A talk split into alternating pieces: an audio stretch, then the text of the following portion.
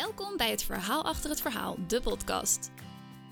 Ik geloof dat wat je ziet nooit is wat je krijgt. Er zitten altijd nog minstens een paar lagen onder. Dat is het geval bij de personages in mijn boeken, dat merk ik in mijn eigen persoonlijke ontwikkeling en dat zie ik bij de mensen met wie ik praat, zowel in het echte leven als in deze podcast. De stem die je hoort is van Sanne Hillemans. Ik ben schrijver, redacteur en nog zoveel meer dan dat. Maar dat ontdek je allemaal nog wel.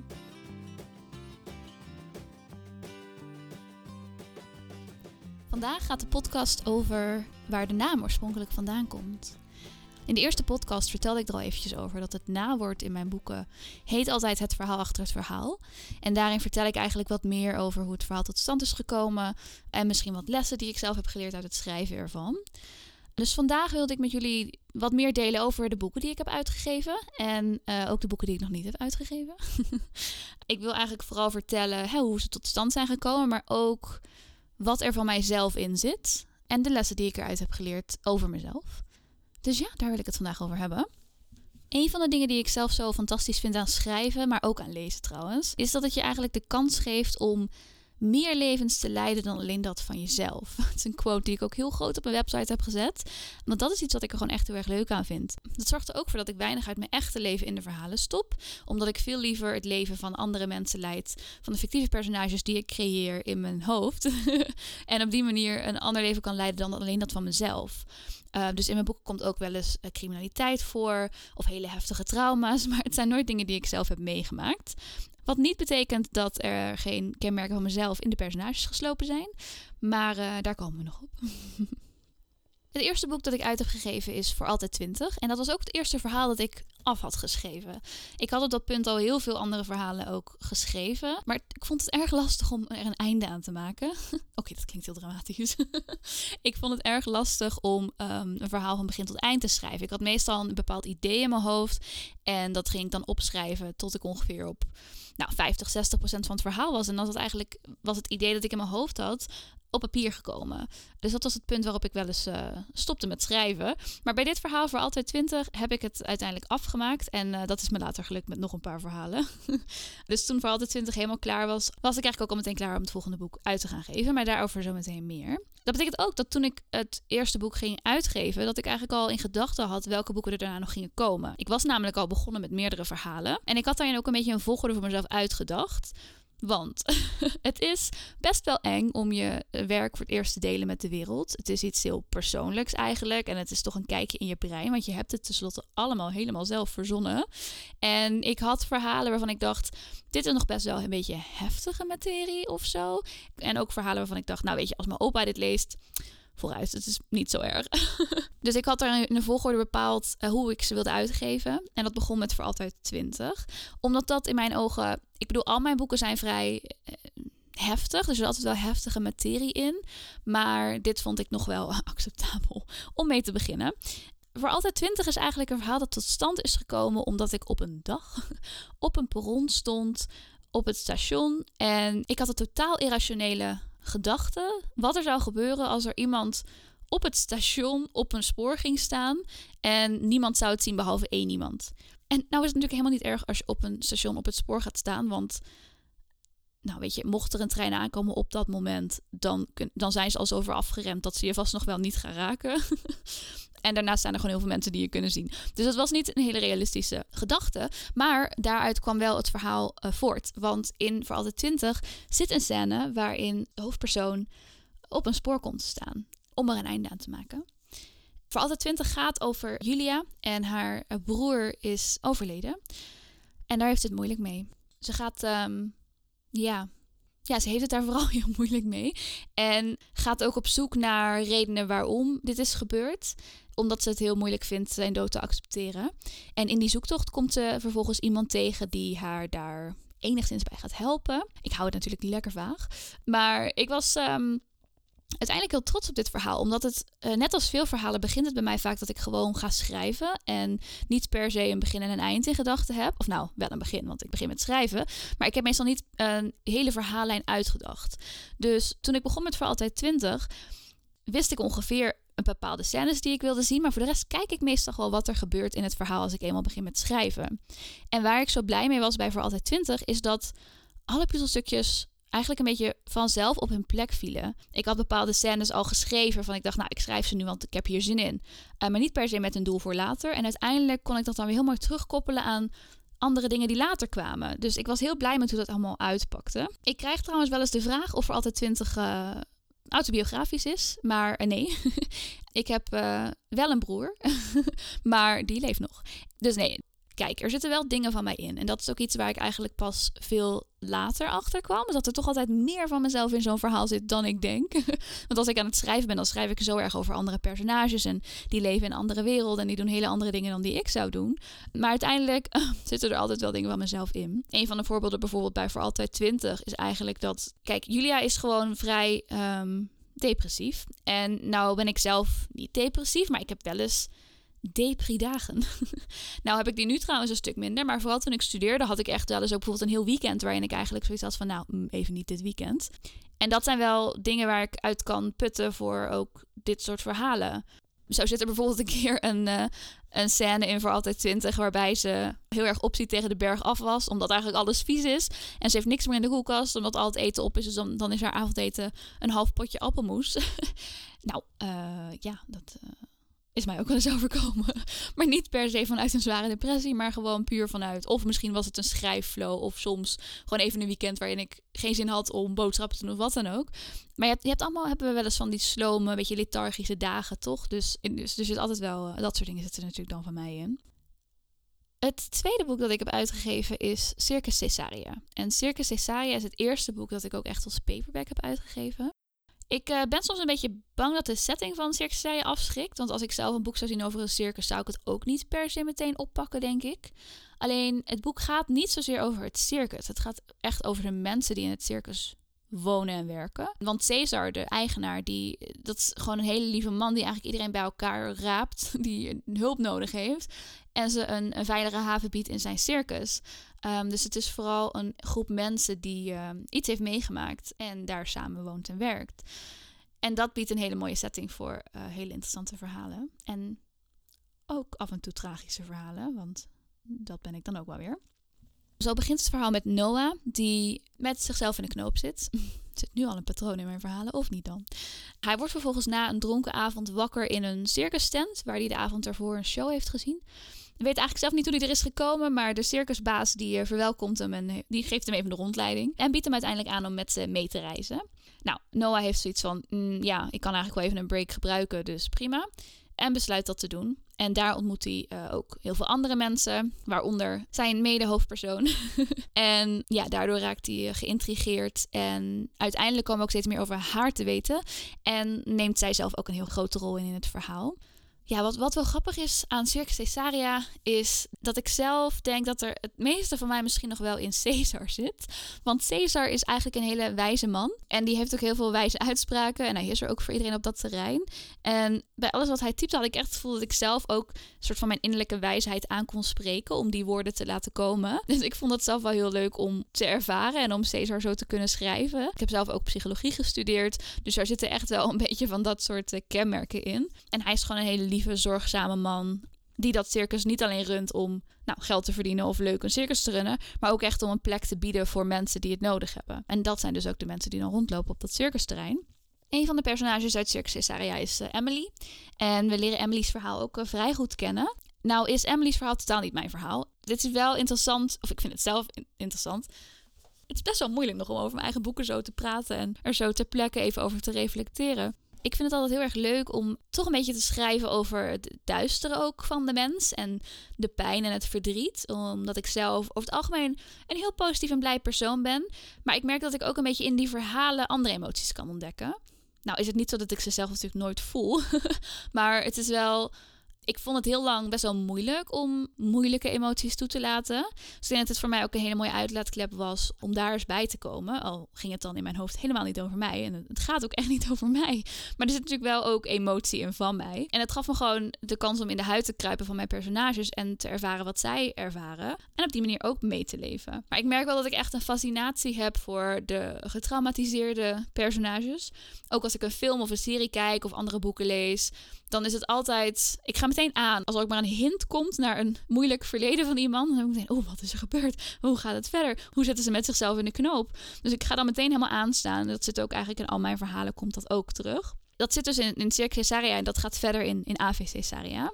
Caesarea was eigenlijk bedoeld als een standalone. Ik was gewoon een keer met vrienden naar het circus geweest en ik zag daar mensen rondlopen van ik dacht, oh, misschien ziet jouw leven er ongeveer zo uit. En oh, mijn brein ging helemaal met me aan de haal. Uh, dus dat wilde ik gewoon op papier zetten. Maar terwijl ik het verhaal aan het schrijven was, werkte ik ook echt toe naar een bepaald einde. En toen ik bij dat einde was, dacht ik, nee, hier moet nog zoveel meer gebeuren. Dit is nog zo niet afgesloten. Uh, dat kwam eigenlijk vooral door een uh, confrontatie tussen twee personages. En toen heb ik besloten, oké, er moet een tweede deel komen. En toen ben ik ook teruggegaan in het hele boek. Omdat ik een paar dingen natuurlijk moest aanpassen om ervoor te zorgen dat het een tweede deel kon gaan krijgen. Dus er moesten een paar verhaallijnen wat afgezakt worden. En een paar verhaallijnen wat uitgebreid. Dus dat heb ik toen uh, aangepast. En vervolgens wist ik precies wat er in het vervolg moest gebeuren. Ik denk dat AV Cesaria eigenlijk het enige boek is dat ik echt geplot heb van begin tot eind. Dat ik echt scène voor scène wist wat er moest gebeuren. En dat allemaal op papier had staan voordat ik überhaupt begon met schrijven. Dus ik had dit boek ook heel snel af. Volgens mij ben ik echt in totaal iets van twee of drie maanden echt met schrijven bezig geweest.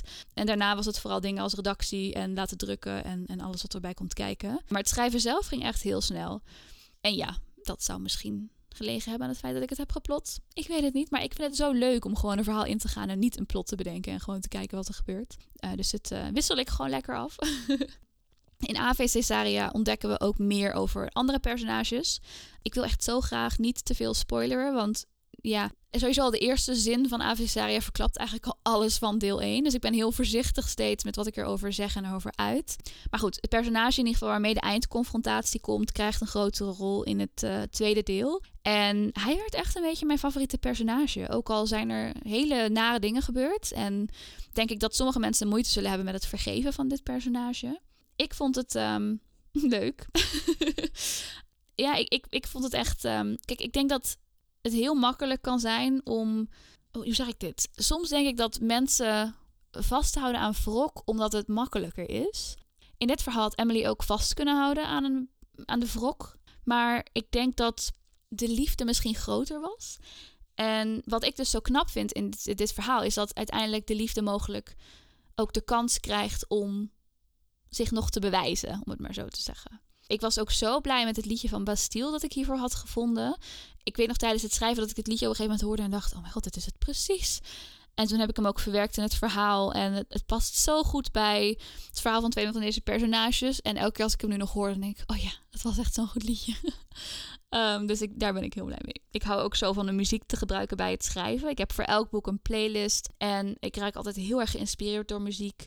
Dat speelt echt een hele grote rol bij mijn verhalen.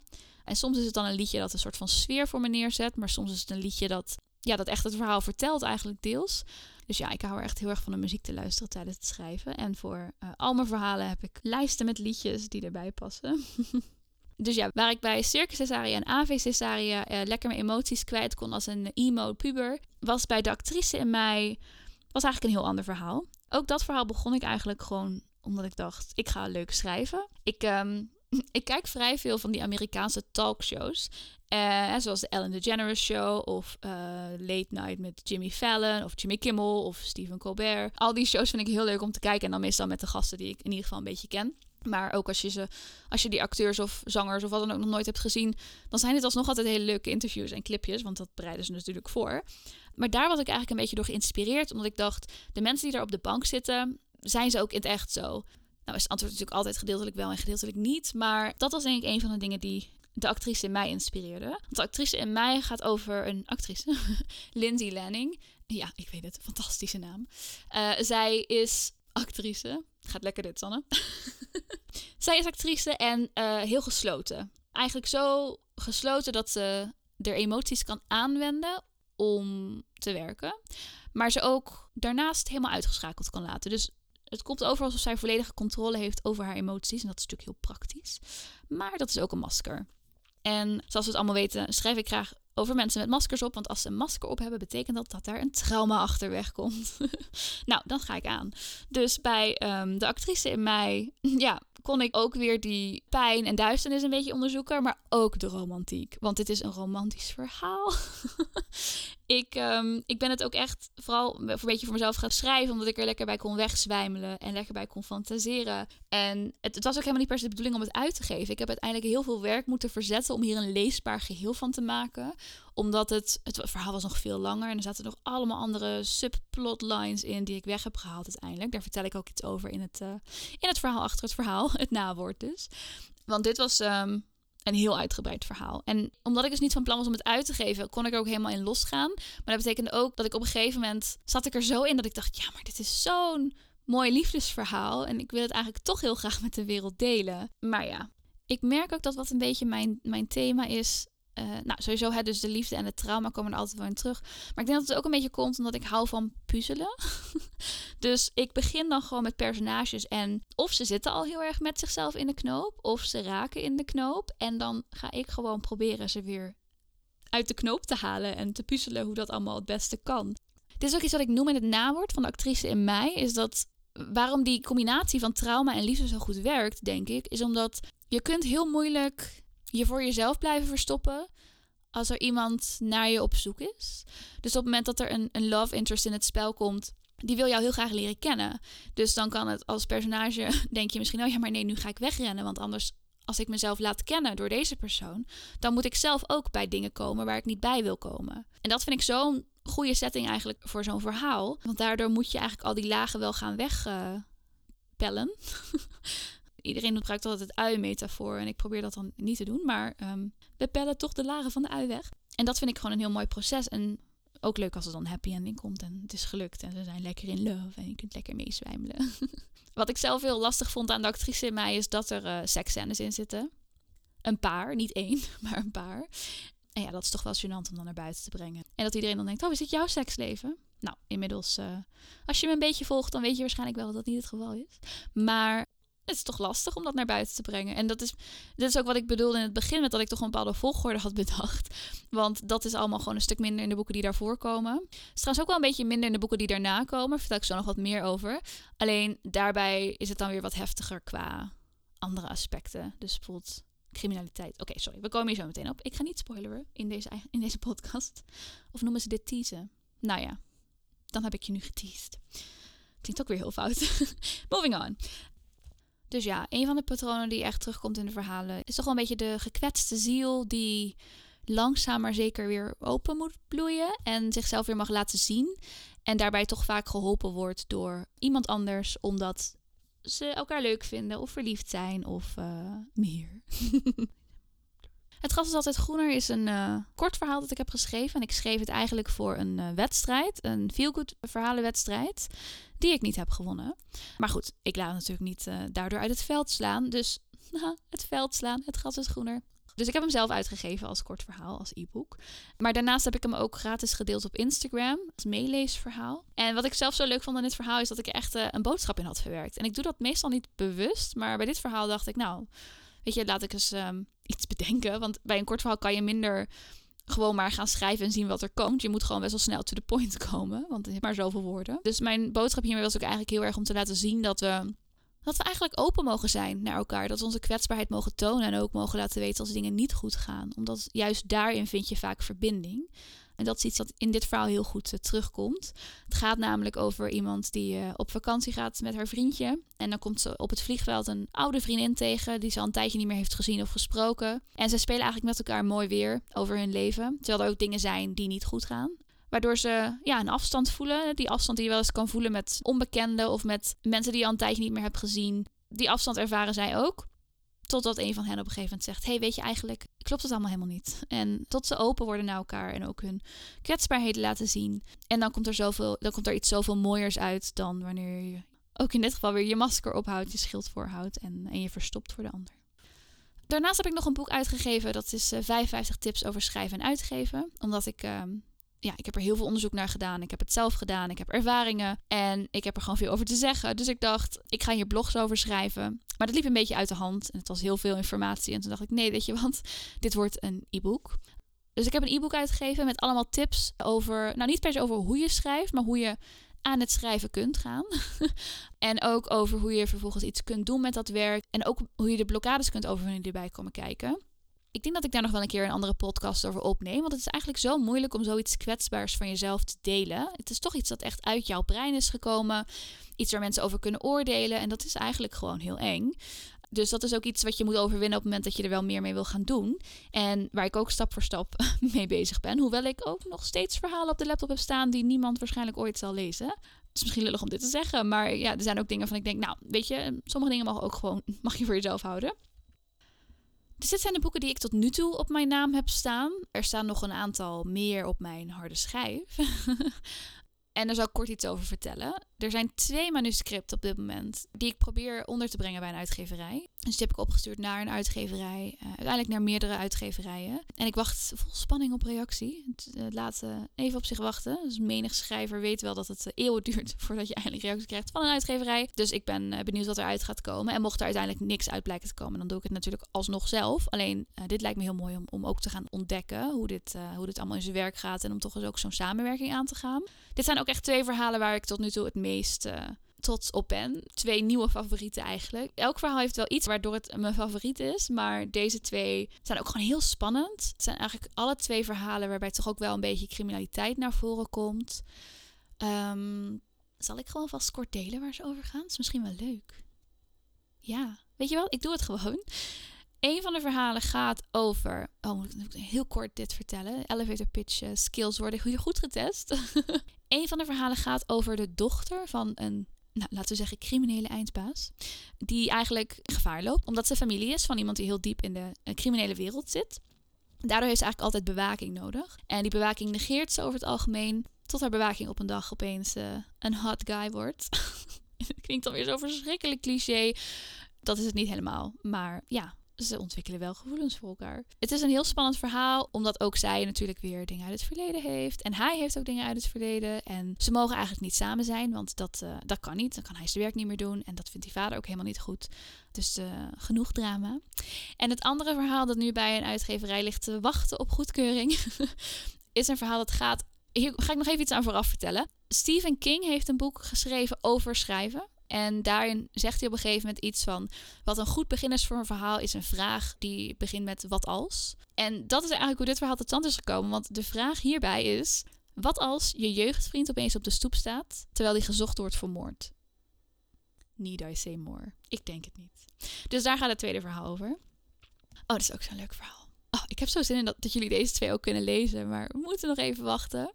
Die twee zijn allebei af. En ik ben ondertussen bezig met een Ik heb tussendoor eigenlijk nog een ander verhaal geschreven. Maar ik weet nog niet zo goed wat ik daarmee ga doen. Het is een beetje, een beetje young adult-achtig, maar ook wel weer met heftige dingen. Daar kan ik even nog iets minder over vertellen. Vind ik even eh, lastig, omdat ik ook nog niet weet wat ik ermee ga doen. Uh, mogelijk ga ik hem zelf uitgeven. Misschien toch ook nog kijken of ik daar een samenwerking voor kan vinden. Maar dat weet ik nog even niet. Het verhaal waar ik op dit moment aan het werken ben, dat heet tot nu toe hoe vijf minuten mijn leven veranderde. En dat is eigenlijk ook begonnen met een soort van wat als vraag. Uh, want de wat als vraag die hier gesteld wordt is: Hmm, moet ik hem even goed formuleren.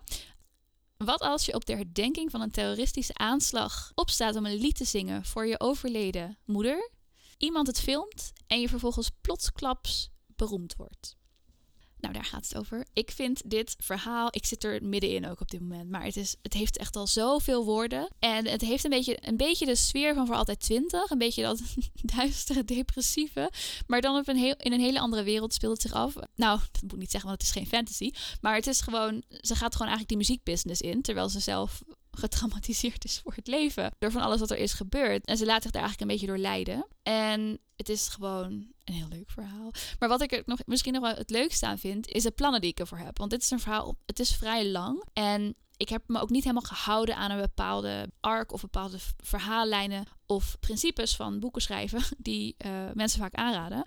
Het is echt meer een beetje een soap, als ik het zo kan zeggen. Dus ik ben ook van plan om dit in afleveringen te gaan delen. En ik wil hiervoor eigenlijk een Facebookgroep aanmaken, waarin ik dan een paar keer per week hoofdstukken deel. Maar niet alleen dat, ik wil er echt een hele ervaring van maken. Bijvoorbeeld, ik heb zoveel muziek ook bij dit verhaal, dus die wil ik dan met jullie delen, dus zodat jullie dat ook mee kunnen maken. Ik wil er heel erg graag ook vragen gaan stellen, zodat we interactie aangaan met elkaar. Dus ik heb hier echt heel veel hele leuke plannen voor en ik kan echt niet wachten om mee te starten. En dan weet ik dat er een aantal mensen zijn die zo'n verhaal ook delen online. En dan eigenlijk gewoon schrijven terwijl de mensen het lezen. Maar het lijkt me zo stressvol. En dat wil ik helemaal niet. Ik wil dat het af is voordat ik begin met het delen. Uh, zodat je ook af en toe kan besluiten om een keer een extra hoofdstuk te delen. Of uh, zodat je in ieder geval niet straks hebt, oh, ik heb even zin om te schrijven, maar ik moet. Dus dat je er tegenaan gaat zitten hikken. Of wat me ook heel vervelend lijkt, is dat je even geen zin hebt om te schrijven en je doet het ook niet. En je moet al die mensen teleurstellen dat er geen hoofdstuk komt. Lijkt me echt heel vervelend. Dus ik wil het helemaal af hebben voordat ik het ga delen. Maar het is heel lang en het duurt ook nog wel even. Dus ik doe mijn best en ik wil het zo graag starten, maar het moet echt eerst af. En dan moet het ook eigenlijk nog proefgelezen worden. En dat zal ook nog even duren, want het zijn veel woorden. En om je beeld te geven, ik zit nu ongeveer op de 118.000 woorden. En dat een gemiddelde roman is ongeveer 70.000 woorden. Dus dat, uh, dat geeft een beetje een beeld van hoe lang dit verhaal is. Maar ik heb er zo zin in. Oké, tot zover. Dit zijn alle schrijfplannen. Nou, is niet helemaal waar. Het zijn niet eens alle schrijfplannen. Maar het zijn alle schrijfplannen waar ik nu iets over wil en kan vertellen. Dus ja, ik hoop dat het een beetje een, eh, een beeld gaf in de boeken die ik heb geschreven. En hoe die tot stand zijn gekomen. En uh, wat er een beetje van mij in zit. Um, mocht je daar nog verdere vragen over hebben, dan kan je altijd een luistervraag insturen. Dat hebben mensen ook gedaan voor deze aflevering. Dus ik, um, ik heb nu volgens mij twee of drie luistervragen die ik kan gaan beantwoorden. Uh, maar ik pak er eventjes één die helemaal past bij het thema. En die vraag komt van Alice. En die vroeg uh, heel gekscherend: Hoeveel trauma's moet een personage hebben voordat ze in je boek mogen? Zoals jullie inmiddels weten en hebben gehoord in deze podcast, of misschien heb je een keer een boek van me gelezen en weet je het sowieso, hou ik er inderdaad wel van als, uh, als ze gewoon een beetje getraumatiseerd zijn. Maar ik heb geen vereisten aan hoeveel trauma's ze moeten hebben. Maar laten we zeggen minstens één. Want anders dan is er geen. En dat zou zonde zijn. Nou is het ook niet waar dat iedereen een trauma heeft trouwens in een van de nieuwe verhalen. Ook, zit toevallig een keer een hoofdpersoon die eigenlijk prima is. Die heeft niet per se een trauma. Misschien een beetje liefdesverdriet, maar niet echt een trauma. Dus er komt een keer een boek van me aan waarbij iemand uh, normaal is. Niet of je het zo kan zeggen. Ik denk trouwens ook dat iedereen wel trauma's heeft. Of het nou groot is of klein en of het nou heel erg veel impact heeft of weinig. We hebben natuurlijk allemaal gewoon dingen meegemaakt die ons gevormd hebben. Soms voor het positieve en soms voor het negatieve. Dus ik denk dat het daarom ook zo relatable is om over te lezen. Nou, ik hoop dat jullie genoten hebben van een beetje boekenpraat met Sanne op de willekeurige dag in de week waarop je dit luistert. ik merk dat ik altijd heel lastig vind om te praten over mijn verhalen. Ik weet nog niet wat het eindresultaat van deze podcast gaat worden. Maar ik ben benieuwd hoeveel ik eruit moet knippen en hoe lang die wordt. Want ja, ik vind het gewoon heel lastig om het goed te verwoorden. En om een enthousiasme over te brengen voor de verhalen. Omdat ik ook niet te veel weg wil geven. Je kan niet zomaar alles zeggen. Want uh, ja, ik wil gewoon niks verpesten. Ik wil dat jullie de boeken gaan lezen en het zelf gaan ervaren. Maar ik denk ook omdat het soms wel lastig is om de kern ervan over te brengen. En echt te zeggen wat het nou is aan het verhaal. Waardoor je het zou moeten lezen. Ik denk, weet je wat, ik ga het gewoon eens proberen. Ik denk dat je voor altijd 20 leuk vindt en moet gaan lezen als je houdt van een hele, hele charmante jongen. Die uh, ja, heel goed is voor het hoofdpersonage. Als je houdt van gratis boeken, is dit ook een goede om te lezen, want hij is voor altijd gratis. Beste tagline ever. Maar ook als je ja, het gewoon leuk vindt om een beetje mee te leven met de duistere buien van iemand. En um, op onderzoek uit te gaan. En ook iets te vinden. Dun, dun, dun. Ik denk dat je Cirque moet lezen als je houdt van het gevoel van gemeen, van community, van gemeenschap. Um, als je het leuk vindt om te lezen over hoe je iemand steeds meer kan leren kennen en steeds meer over iemand kan leren. En diegene het heel moeilijk mee heeft met het feit dat mensen iets over haar leren. maar ook als je niet bang bent voor een wat heftigere verhaallijn. De actrice in mij moet je gaan lezen als je gewoon lekker wil wegzwijmelen bij een leuk romantisch verhaal. Dat toch verrassend spannend is op sommige momenten. En Het gras is groener moet je eigenlijk gewoon lezen als je eventjes 40 minuten tijd hebt. Want het is heel kort. En je kan het toevoegen voor Goodreads of uh, eh, Hebban Reading Challenge. Dus uh, waarom niet? Het is gratis, staat op mijn Instagram profiel. Uh, maar je kan hem ook als e-book voor een euro of zo kopen. En hij staat in Koa Plus. Geen reden om het niet te lezen. En allemaal nieuwe verhalen moet je lezen omdat ze fantastisch zijn. ja, ik ben dus gewoon niet zo salesy. Ik denk, weet je, als de omschrijving je aanspreekt, dan vind je het misschien leuk. Goeie podcast dit, Sanne. Dit is heel overtuigend. Oké, we gaan afronden. Ik hoop dat je in ieder geval genoten hebt om met mijn gedachten te kijken en me in ieder geval een beetje te horen vertellen over de boeken. Ik uh, ga proberen dit uh, meer te doen en beter te doen. En uh, voor nu wens ik je een hele fijne middag, avond of ochtend. Wat ontzettend leuk dat je hebt geluisterd naar deze aflevering van Het Verhaal achter het verhaal.